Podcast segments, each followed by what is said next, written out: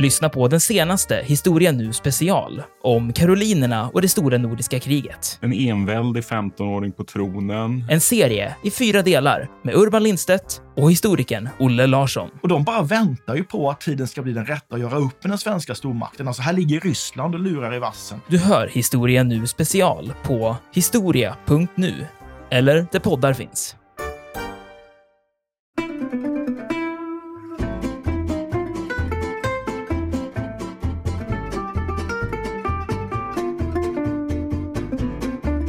I Irland så talas det ofta om att det fanns en intellektuell tradition redan innan kristendomen kom.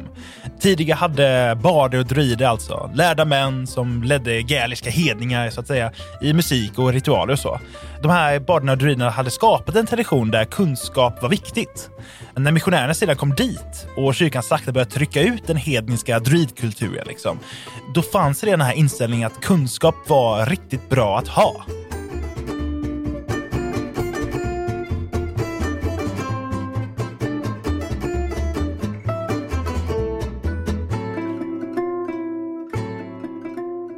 Oväntad historias sommarvikarier Aron Schurman och Viktor Wallén är två poddare som tagit allt för många akademiska poäng i historia. I sommar vikarierar de under sex veckor för Olle och Andreas.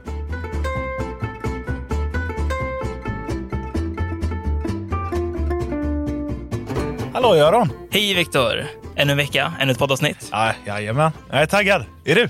Du, jag är alltid taggad, det ska du veta. Vad, Viktor, ska vi ta oss an idag? Idag ska vi gå till den mörka, fattiga och dumma tidiga medeltidens Europa. Det är perioden mellan att Västrom föll år 476 till att det tysk-romerska riket uppstår år 962. Perioden när inget hände. Som, eh, ja, det är så man brukar prata om det i alla fall. Ja, det är, precis, det är ju den här tidsperioden som liksom hamnar i kläm mellan romarriket och typ korstågen. Det är ja, lite som ett, som ett mellansyskon som eh, man har ingen riktigt aning om vad den håller på med egentligen. Precis, alltså romarriket får ju HBO-serier, korstågen får bokserier. Och när man riktar blicken mot Europa under den tidiga medeltiden så är allting i väldigt eh, liten skala. Östrom, alltså Byzans, står kvar och Spanien blir Al-Andalus, liksom en del av det större arabriket. Europa överskuggas av imperierna runt omkring det. Men det är ju det överskuggade som det riktigt intressanta finns i im- imperiernas eh, periferi liksom. All right. så, så vad för intressant ska vi prata om idag då? Irländska munkar. All right. jag, har, jag har absolut hört mer eh, spänningsfyllda ingångar. Kan du vara god vidareutveckla? ja, det hade varit jättetråkigt avsnitt med sån här. Det, du känner till det som kallas Gröna ön, alltså Irland. Har du varit där? om att spela den så kallade Noob Island i Crusader Kings 2, vilket i det spelet är Irland. Om det räknas som att jag har varit på Irland, då har jag varit på Irland. Om det inte räknas, ja, men vem har då ens varit på Irland? Så sant som det är sagt. Det är gott nog för mig. Visste du, innan vi började läsa på till det här avsnittet, att Irland hade ett av västra Europas bästa skolsystem under den tidiga medeltiden? Ja, men jag antar för att återkoppla till Crusader Kings 2, eh, uppenbarligen min enda vana av, av Irland. Därifrån så har det hintats lite om det, men när det kommer till den riktiga historien, nej, då kan jag säga att det, det var ingenting jag kände till så väl. Så berätta gärna för mig, varför var den det? Jo, det är tack vare de kristna klostren och kyrkan. All right, okay. men om vi tar det från början, hur kom kyrkan dit? Jo, från början. Det den tidiga medeltidens Irland var uppdelat i många, många små gaeliska kungadömen. Visserligen fanns det en högkung från och med 800-talet, men dennes makt var för det mesta symbolisk. Eh, Högkungen valdes genom att kungarna från de andra irländska kungarikena samlades och valde fram den. All right, och de här kungarikena, hur, hur var de uppdelade? Alltså man kan se det som en slags eh, storfamilj. Varje person i gaeliska Irland tillhörde en viss släkt som man kunde spåra bakåt via sin pappa. De som man delade förfäder med var man i samma grupp som. Det som kallas för klan. Dessa klaner styrde sedan områden runt om i Irland.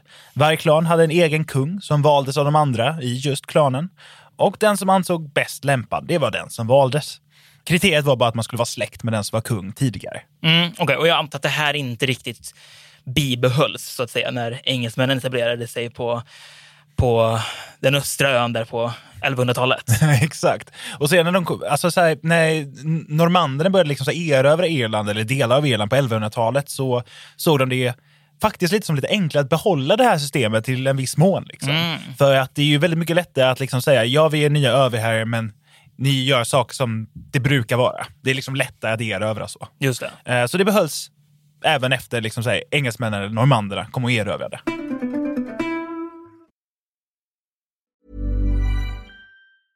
A lot can happen in three years, like a chatbot may be your new best friend. But what won't change? Needing health insurance. United Healthcare Tri Term Medical Plans, underwritten by Golden Rule Insurance Company, offer flexible, budget friendly coverage that lasts nearly three years in some states. Learn more at uh1.com. Quality sleep is essential. That's why the Sleep Number Smart Bed is designed for your ever evolving sleep needs. Need a bed that's firmer or softer on either side? Helps you sleep at a comfortable temperature? Sleep Number Smart Beds let you individualize your comfort so you sleep better together. JD Power ranks Sleep Number number 1 in customer satisfaction with mattresses purchased in-store. And now, save 50% on the Sleep Number limited edition Smart Bed for a limited time. For JD Power 2023 award information, visit jdpower.com/awards. Only at a Sleep Number store or sleepnumber.com. I'm Sandra, and I'm just the professional your small business was looking for. But you didn't hire me because you didn't use LinkedIn jobs. LinkedIn has professionals you can't find anywhere else, including those who aren't actively looking for a new job but might be open to the perfect role,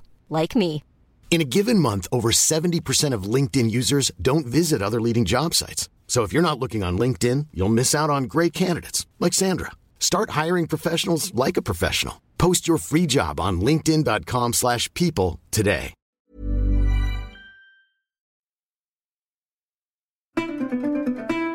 Men ja, vi skulle prata om munkar ja. Så alltså, vi ska ju vi kan återstyra lite det där. Vad, känner du till Sankte Patrik? Sankte Patrik som i St. Patrick's Day.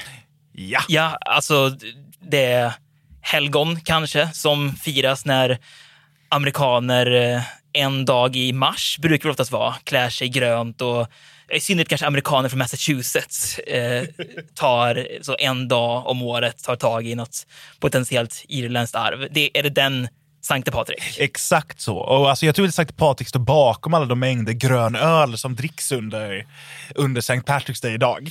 Men Nej. eh, that's eh, the one and only. Uh, Sankte Patrik är Irlands uh, skyddshelgon. Okej. Han var den första välkända missionären på Irland. Han anlände dit år 431 och la sitt högsäte i och nu får ni förbereda er på lite halvdana irländska uttal. Eh, Armagh, Okej. Armagh. Eh, det ligger i dagens Nordirland i alla fall. Alltid svårt att veta hur sånt här uttalas eftersom det är ett fortfarande ganska liksom, sällsynt språk att tala. Exakt. Men eh, från eh, Armagh så delade Sankte Patrik upp ön i stift och sen började sin stora missionärsturné runt om på Irland. Kan man då säga, skulle du säga att Sankte Patrik var den som tog kristendomen till Irland? Ja, alltså inte riktigt. Samma år som Patrik landstiger på Irland så får ön sin första biskop. Palladius hette han. Det betyder att det redan fanns troende kristna irländare. Eh, Och därmed kan man anta att det kom missionärer dit innan Patrik. De kom troligtvis dit från det romerska England och Frankrike, som då hette Britannia och Gallien. Men vad man kan säga är att med Patrik och Palladius så kom den katolska kyrkan som institution och organisation. Eh, Men tron kom före dem i, till viss del. Och de här klostren som vi ska prata om, kom de med missionärerna? Ja, Patrik och Palladius och många andra missionärer anlade både kloster och kyrkor på sina färder runt om på Irland. De fick god hjälp av befolkningen också och de många kungafamiljerna som fanns. Right, så de var taggade på att, att få dit de här klostren? Ja, precis. Hur kommer det sig? Ja, men, eh, alltså, till, vi kan börja med att till skillnad från det kristna Europa så hade Irland inga riktiga städer. I till exempel Gallien och Italien så hade kloster och kyrkor fått ta plats innanför eller utanför en stads murar. Men i Irland så blir platser där de här kristna högsätena liksom eh, hamnar, de blev också centrum för lokalbefolkningen. För till klostren och kyrkan så kom folk för att ta del av gudstjänst, men också för att handla med varandra, utbyta information eller bara hänga i all allmänhet. Så Klarna såg det som en möjlighet för att utöka sin makt eh, över lokalbefolkningen. För då kunde de samla ihop alla de styrde över. Väldigt lätt och behändigt för att liksom säga, här är jag, jag styr över er, de här sakerna jag säga till er. Just det. Och dessutom var kyrkan generellt liksom en eh, internationell organisation som kan stötta en i diverse grejer, som om man var kung då. Ja, just det. Ja, men alltså typ som eh, med politisk aktivitet och utbildning och sådär. Ja men, ja, men precis. Dessutom får många medlemmar i, från de styrande familjerna rätt så höga positioner i kloster och kyrkor. Alltså det är trots allt de som gav kyrkan de här platserna att lägga kloster och kyrkor på. Precis. Sedan, för att röra till det lite extra i huvudet på dig Aron, så behövde inte en abbot på Irland vara prästvigd. Alltså, du menar att någon som styrde över klostret behövde inte vara prästvigd? Nej, exakt. Okej, vad... Okej, kan... Var god förklara. Ja, alltså en abbot var och är även nu liksom en föreståndare för kloster och dess munkar. Eh, när kloster först kom till på 300-talet så var abboten blott en munk vald av sina bröder. Då behövde han inte vara prästvigd, men alltså då att man är insvuren präst enligt kyrkans alla eder och godkännande och handpåläggningar och allt vad det är. Då kan man hålla i gudstjänster och så, liksom, om man är präst. Men det här ändrades på 400-talet i resten av det kristna Europa. Men på Irland så fortsatte faktiskt praktiken att abbot inte behövde vara prästvigd, i alla fall ett tag till in på den tidiga medeltiden.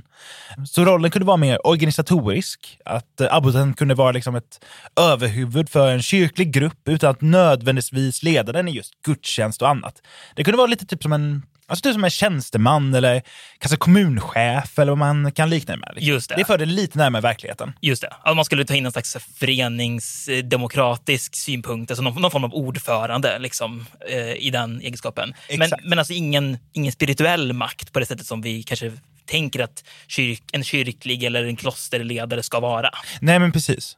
Och eh, alltså, sen så kommer kyrkan också ökad makt för de redan mäktiga. Och eh, då liksom så en viss urbanisering. Det kan man säga är liksom de eh, fördelarna för lokalbefolkningen eller lokala maktinnehavarna. Att dra dit kloster och kyrkor. Just det, I det här gamla Irland där det inte riktigt fanns städer, så med klostren så kommer någon form av städer. Exakt. Okej, men så med de här så, så småningom så blir Irland ett intellektuellt högsäte. Hur då? Ja, men här kommer jag ge ett lite så här klassiskt akademikersvar. Det finns många anledningar. Mm, Okej, kan du... Om du försöker avrunda neråt. Ja, aj, aj. Kapten. I Irland så talas det ofta om att det fanns en intellektuell tradition redan innan kristendomen kom. Tidigare hade barder och druider alltså, lärda män som ledde gaeliska hedningar så att säga, i musik och ritualer och så. De här barderna och druiderna hade skapat en tradition där kunskap var viktigt.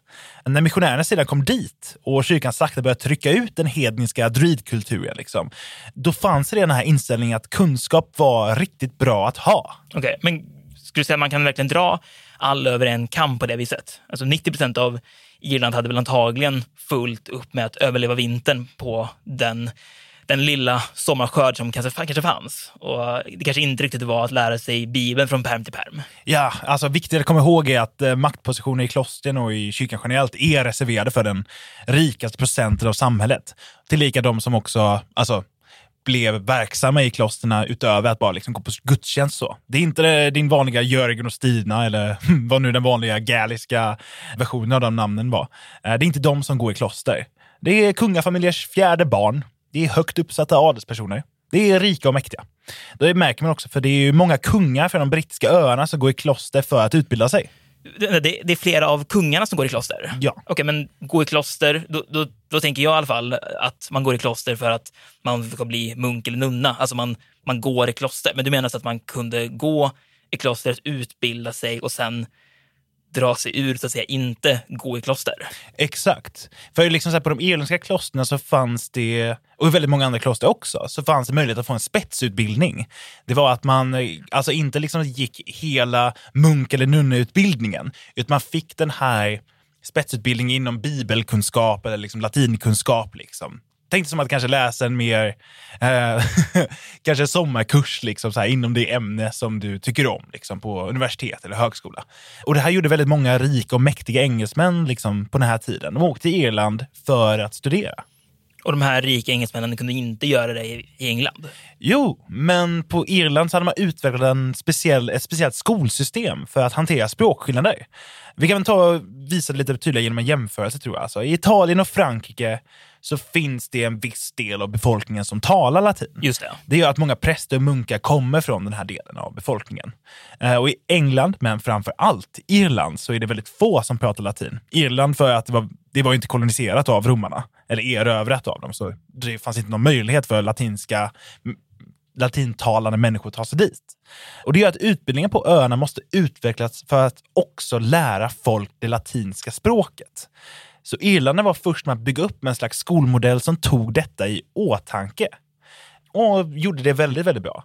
Och sen förde engelsmännen vidare den till kontinenten när Karl den store och det karolingiska riket började intressera sig för utbildning. Men jag tänker att vi återvänder till det lite senare. Ja. Men det finns alltså bevis på att den här var en väldigt, väldigt bra och väldigt hett eftertraktat skolsystem. Det känns ju ganska tacksamt för Irland på det sättet, antar jag. För att där många andra hade latin på något sätt inbyggt i kulturen vid det här laget efter integrering i romerska riket så eh, här så måste, måste man liksom studera det utifrån. Det, det kan ju verkligen ge en skarpare insyn i allting. Ja, verkligen. Men okej, så kloster anläggs och de irländska klostren de är utmärkta på att utbilda folk som inte kan latin. De skapar ett system som de senare sprids i Västeuropa. Hur utbildar man sig i ett sånt här kloster? Vad får man lära sig? Ja, alltså utbildningen i klostren var inspirerad av det romerska skolsystemet, men med lite förändringar. Eh, steg ett är att man från en mycket ung ålder får lära sig psalmerna. Det underlättar sedan för steg två, att lära sig läsa och skriva. Just det, för då skriver man ner psalmerna man redan kan. Jajamän. Och sen liksom att lära sig skriva och läsa gör att man, alltså det gör man för att man är typ sju tills man är elva ungefär.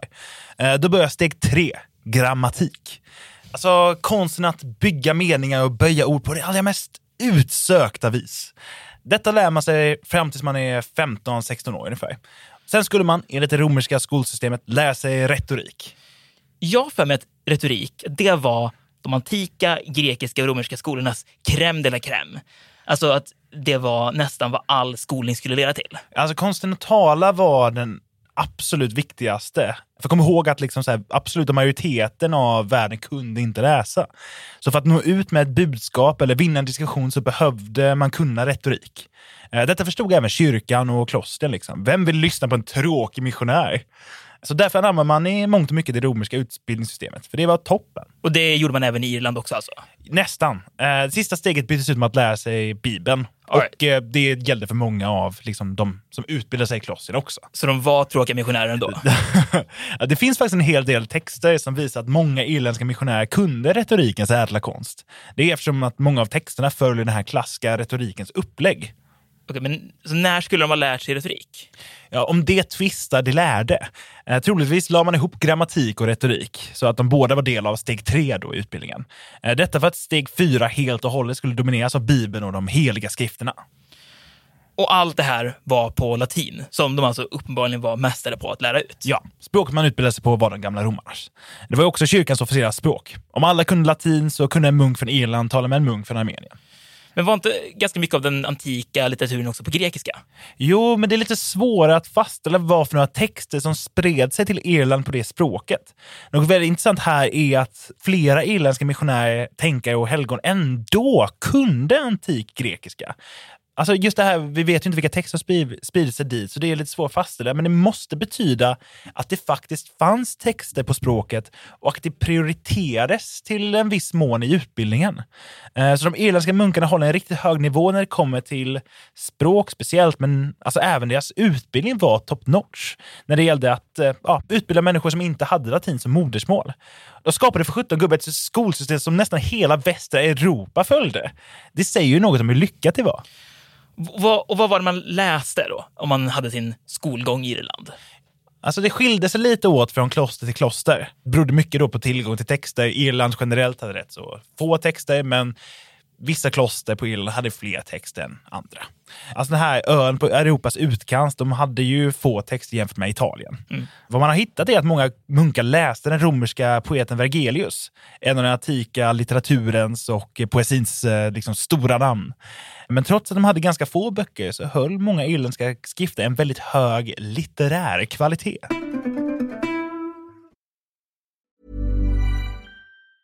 There's never been a faster or easier way to start your weight loss journey than with PlushCare. PlushCare accepts most insurance plans and gives you online access to board-certified physicians who can prescribe FDA-approved weight loss medications like Wigovi and Zepbound for those who qualify. Take charge of your health and speak with a board-certified physician about a weight loss plan that's right for you. Get started today at plushcare.com slash weight loss. That's plushcare.com slash weight loss. plushcare.com slash weight loss. Quality sleep is essential. That's why the Sleep Number Smart Bed is designed for your ever evolving sleep needs. Need a bed that's firmer or softer on either side? Helps you sleep at a comfortable temperature? Sleep Number Smart Beds let you individualize your comfort so you sleep better together. JD Power ranks Sleep Number number 1 in customer satisfaction with mattresses purchased in-store. And now, save 50% on the Sleep Number limited edition Smart Bed for a limited time. For JD Power 2023 award information, visit jdpower.com/awards. Only at a Sleep Number store or sleepnumber.com. I'm Sandra, and I'm just the professional your small business was looking for. But you didn't hire me because you didn't use LinkedIn jobs. LinkedIn has professionals you can't find anywhere else, including those who aren't actively looking for a new job but might be open to the perfect role, like me. In a given month, over 70% of LinkedIn users don't visit other leading job sites. So if you're not looking on LinkedIn, you'll miss out on great candidates like Sandra. Start hiring professionals like a professional. Post your free job on linkedin.com/people today.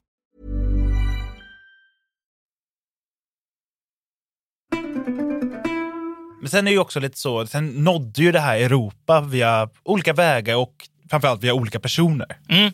Och det här, det, det här för osökt mina tankar till helgonet Columbanus. En, eh, en personlig favorit kan man säga. Mm, missionären. Eh, men liksom så här, vem var han Aron? Mm. Så Columbanus föddes 543 efter Kristus utbildade sig i Irland.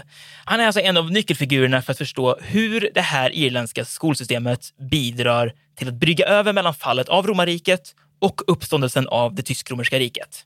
Och det är helt enkelt för att han börjar missionera på kontinenten, i synnerhet i det merovingiska Frankriket. Men innan vi dyker rätt in i Columbanus liv och gärning, då kanske det är på sin plats att säga någonting om den här erans väldigt, väldigt många missionärer som ju tar avstamp i Irland. Ja, de var verkligen överallt, på de, framförallt de brittiska öarna. Mm, onekligen. Och allt för att sprida den här irländska kristendomen runt om.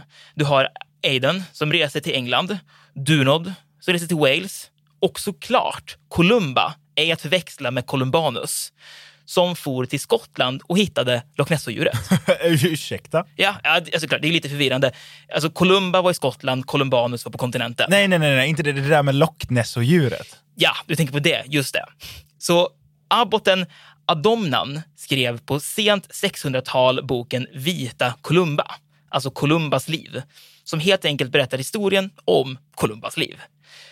Bland annat så finns där ett stycke som berättar om när Columba reste till Pikternas land, det vill säga Skottland som vi känner till idag, och skulle korsa floden Ness.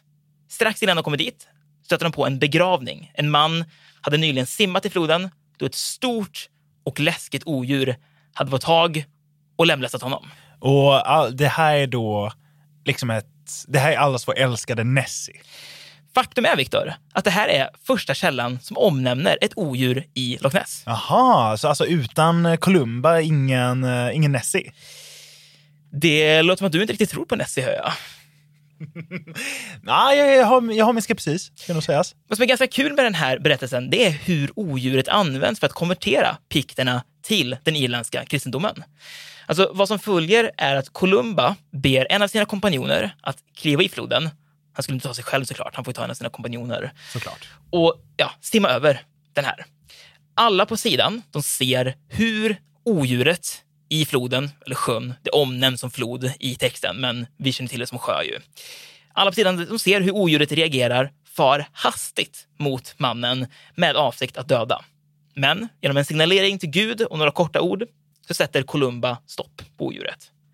Och det här miraklet imponerar så mycket på den lokala befolkningen att de omedelbart blir kristna. Oh, imponerande. En riktigt effektiv missionär hör jag. Mm, oerhört. Men det är inte Columba som är mest intressant här. Det får bli en annan gång helt enkelt och dyka ner i hans fynd av odjur i skotska sjöar. Just det, hur han slåss mot Nessie. Precis. Tillbaka till Columbanus. Han gick i frivillig exil med syfte att upprätta asketiska kloster i andra delar av världen. Det här är lite lurigt just för att exil förknippar ju vi mest med att man går i exil för att man blir bannlyst eller måste fly någonting. Alltså det kan vara olika förföljelser. Men här fanns det en viss, eh, en viss kultur av att man gick i exil Eh, man, man, man, man, gick, man valde själv Just att det. gå i någon form av religiös exil. Nu ska jag lämna det här landet och befästa min, min plats någon annanstans. Just helt enkelt. det. Vilket var det Columbanus gjorde. Det var inte så att man gick i exil till, liksom, ja, det hade en positiv innebörd. Det hade en väldigt positiv innebörd. Precis. Någon slags religiös resa helt enkelt.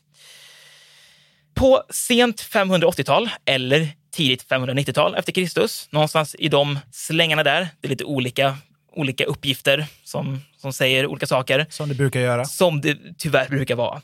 Då seglar han med 12 missionärskompanjoner från Irland. Okej, så han, han gjorde en Jesus så att säga, också tolv lärjungar där. Ja, det, det finns paralleller eh, kan man säga. Vet inte, kan inte intyga att det var någonting som Columbanus hade i åtanke. Eh, Det här är en resa som går från nordöstra Irland till Isle of Man, vidare till två till öar innan de passerar västra Wales och därefter Cornwall i sydvästra England. Ja, det är många stopp på en sån resa. Det är en resa som tog betydligt längre tid än vad den gör idag. Till slut, efter en lång färd, så lägger de till i Bretagne. Målet det är alltså det merovingiska Frankrriket. Viktor, vill du berätta lite kort vilka merovingerna var? Ja, men självklart. Ja, men det är en frankisk kungaätt som styrde ett kungarike som typ utgör dagens Frankrike. De höll till där under cirka 400-talet till 700-talet. I historien om Frankrike så är de mest kända för att vara föregångarna till karolingerna. Det vill säga Karl den stores frankiska dynasti, som jag nämnde lite innan. Just det. I det här Frankrriket så är eliten oerhört mån om att upprätta kloster kopplade till den politiska sfären. Och det som, som eh, varit inne lite på, att kloster kunde vara väldigt viktiga i medeltida kungariken eftersom de ofta, eh, men, som du var inne på förut, Victor, där, eh, var utbildningscentrum. Det här krockade ganska mycket med Columbanus, vars vision om kloster byggde på separatism från just maktinflytande. Men det, ja, det verkar onekligen som att de diggade honom och hans ideal eftersom de ändå till slut förde upp en drös kloster. Ja, men lyckas han alltså få igenom sina ideal trots allt? Nja, alltså så småningom så uppstod en del konflikter i hans kloster eh, och man anpassade sig mer till den frankiska klosternormen.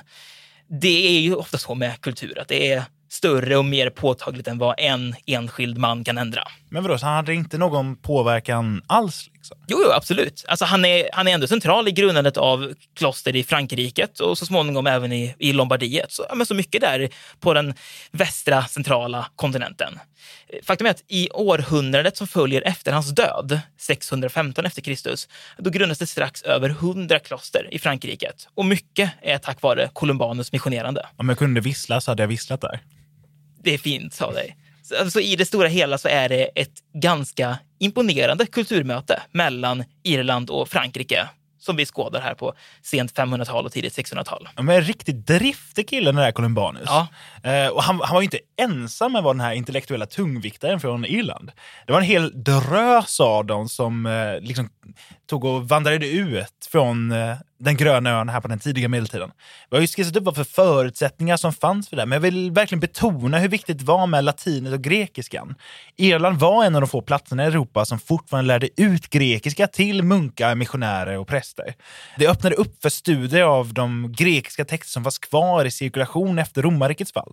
Och det gjorde irländare hett eftertraktade på kontinenten, som Columbanus. Han välkomnades verkligen med öppna armar. Men vad var det som gjorde att kontinenten sökte efter just irländare? Ja, klassiskt. Eh, utbud, men också efterfrågan. Eh, år 800 så blev Karl den store krönt till romersk kejsare av ingen mindre än påven. Just det, men romersk kejsare inom något som, liksom, historiskt citationstecken antar jag. Ja, exakt. Det var han, han var liksom så arvtagaren till det romerska väldet. Och Just så. Men ja, det, han var ju inte romersk kejsare. Men vid den tidpunkten hade Karl erövrat ett område som sträckt sig från dagens Danmark till Neapel och från Engelska kanalen till Adriatiska havet. Så ett, eh, han var Europas storkung liksom, över ett väldigt stort välde. Och det tyckte ju också påven och framförallt hans eget hov. Eh, med detta så växande imperium krävdes riktigt god byråkrati, skolor för att utbilda de som skulle vara i byråkratin och även en hel del smarta män. Och såklart alltid typ endast män. Mm. Ja, I hear what you're getting at, för det här hade ju ändå Irland ganska gott om. Jajamän, alltså man har faktiskt identifierat ett, eh, ett 50-tal irländska lärda som var verksamma vid kyrkor, kloster och skolor. Eh, och de var där som lärare, grammatiker, astronomer, retoriker, allmänt skriftlärda, vad det nu betyder, poeter och musiker. Eh, alltså i nästan all verksamhet som krävde någon form av läs och skrivkunnighet och bara allmän kunskap så hittade man män utbildade i just Irland. Är det det här som alltså ledde till den så kallade karolingiska renässansen? Alltså när Karl den store återupplivade, återupptäckte som man ibland säger, latinsk litteratur och lärdom. Ja, men bland annat. Men som du märker är det kanske lite av en överdrift att kalla det en återupplivning. Kunskapen om latinsk litteratur, om latin generellt och all annan lärdom som Karl ville återuppväcka, den fanns ju redan kvar. En viss del hos klostren och munkarna i Irland, men också i klostren och kyrkorna runt om i Västeuropa. Okej, man kan säga att Karl den store ändå gjorde den kunskapen mer spridd i Västeuropa än, än vad den hade varit tidigare. Och organisera den på ett eh, helt nytt sätt än vad som tidigare hade varit under tidiga medeltiden. Men det var tack vare skolsystemet från Irland som den här mörka medeltidsrenässansen blev möjlig. På ön bevarades ju kunskap om latin och grekiska och framför allt konsten att lära ut det. Det var ju också från Irland som den tidiga medeltidens största filosof kom, Johannes Scotus Erigena. Vad gjorde Johannes Scotus Erigena? Jo, mannen med det coola namnet. Han brukar ses som den som sammanställde all filosofi som antikens filosofer kom på.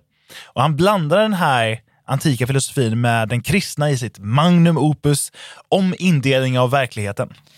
Ingen liten bedrift att göra det. Och för att alltså, sammanfatta den här filosofiska gärningen så kan man säga att han såg Gud som orsaken till verkligheten och verklighetens ändamål. Alltså att allt börjar och slutar med Gud. Eh, och det jag förenklar lite, men det var ungefär så. Och i den slutsatsen så märks både den antika filosofins så kallade dubbelrörelsen, att man åker ut och vänder hem. Det är en tradition som brukar kallas för nyplatonism. Och eh, i den här slutsatsen också så ser vi en kristen lära om att vi helt enkelt, vi vanliga döda, vi längtar tillbaka till Gud. Väldigt, väldigt kristet skrivet ändå. Ja, det var ju trots allt en miljö han verkade i. All intellektuell verksamhet var centrerad kring kristendomen. Också då för att den var centrerad kring kyrkan och klostren. Just det. Alla de intellektuella var på något vis skolade av, i eller runt om klostren. Och bland flera av de betydande intellektuella så hittar vi just irländskt skolade. Så för att eh, svara på något ganska självklart egentligen. Man kan säga att den mörka medeltiden hade ändå korn av ljus i sig. Alltså helt utsökt formulerat. Eh, och Irland kan vi se som en liten men intensivt brinnande ljuslåga i det här mörkret. Där kunskap om latin, grekiska och kristendom gjordes tillgänglig för fler än vad som var vanligt i resten av Europa. Intellektuell verksamhet fortsatte även när romarriket föll. I mindre skala, men inte desto mindre viktig. Och de producerade också viktiga idéer, personer och filosofer som än idag fortfarande har betydelse. Det, man lär sig verkligen jämt och ständigt när, man besöker historien. Verkligen. Ja. Med det så säger vi nog hej då och sätter punkt där. Tack för idag, Viktor. Ja, tack själv Aron. Ha det gött!